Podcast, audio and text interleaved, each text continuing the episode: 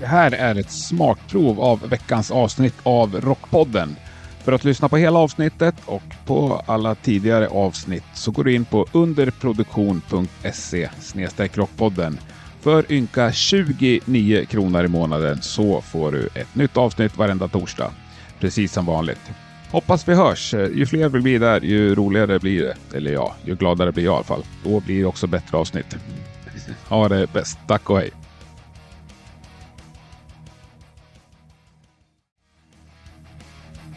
Rockpodden finns nu mera på underproduktion.se. Eller ja, den går ju att lyssna på på alla poddappar, men du behöver gå in dit och registrera dig.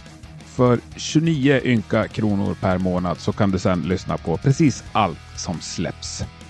Gör det. Nya avsnitt kommer varje torsdag precis som vanligt. Underproduktion.se snedstreck rockpodden. Vi hörs!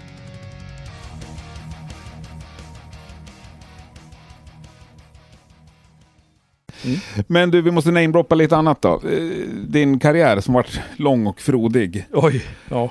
Eh, Lång och gles. vart- om vi skippar de första åren kanske, men var, när tog den fart? Vad var det första som... ja. Det tog faktiskt fart ganska omgående.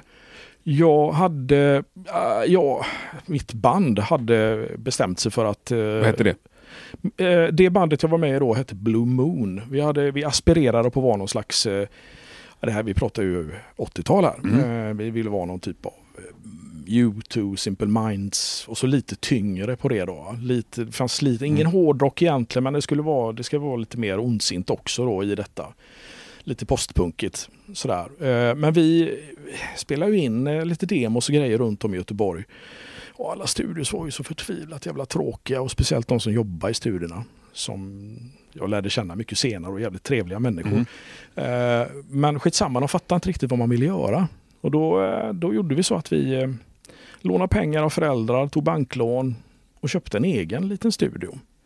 Alltså inte en portastudio som man hade på den tiden utan eh, lite bättre grejer och, och så hade vi våran repa där vi byggde liksom ett kontrollrum och, och så vidare. Och så blev det en liten studio.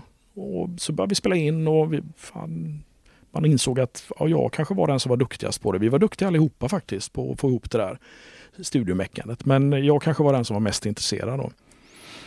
Och det ena ledde till det andra. Helt plötsligt så är grannbandet i grannlokalen intresserade av att spela in. Och, och till slut så hänger alla utanför och vill spela in då, med lokala band. Då. Så att eh, det var där det startade någonstans på 80-talet. Och grejen var det att då gjorde man ju demos och inte plattor egentligen. Eh, men jag kommer ihåg när man gjorde första plattan, det var ju stort liksom. Det här faktiskt skulle bli liksom en vinylplatta. Va? Fantastiskt. Eller till och med en CD-skiva senare. Jag gjorde en tidig platta med ett band som heter Tornado Babies. Som är lite sådär Guns N' Roses-aktiga på den tiden och gamla polare till mig då. Och det var ju så här CD-skiva, det var ju jävligt stort tänkte man. Och det var liksom en av mina första liksom fullängdsproduktioner då. Men sen så hände det inte så mycket mer med det. Jag lirade i band och, och eh, jobbade på vanligt jobb i musikaffär. Och, och så kom jag i kontakt med ett band som jag spelat in eh, tidigare. De hette Concrete Stuff på den tiden men nu hade de bytt namn till B-Thong. Och eh, 1994 tror jag detta är så får de kontrakt med ett holländskt bolag. Och det var ju så stort så att eh, man höll på att trilla baklänges. Kände att det, fan, det här är ju grejen liksom. Och jag ska spela in detta och producera för ett holländskt bolag. Det är ju helt, det är ju bara... Och få betalt kanske? Och Ja. få betalt, Mm. faktiskt. Ett bra bolag. Mm. Så vi gjorde det där tillsammans. Asbra band var Bithong. Eh, och så tog det sig liksom. Det, blev, det var ju liksom i den här, ja, vad ska man kalla det, Pantera-vågen typ. Eh, 94. Men det är väl med Jelenkovic och... Ja, Ja, exakt. mm. Yes. Så det, det tog sig direkt och sen så eh, var jag någonstans uppe på någon eh, hyfsad nivå. Eh, ganska omgående och höll mig väl där. Eh, sådär. Under 90-talet. Och sen, ja. Resten är historia. Mm, dåligt med namedropping. Alltså, Ja, du gjorde en jävligt stor platta i min värld.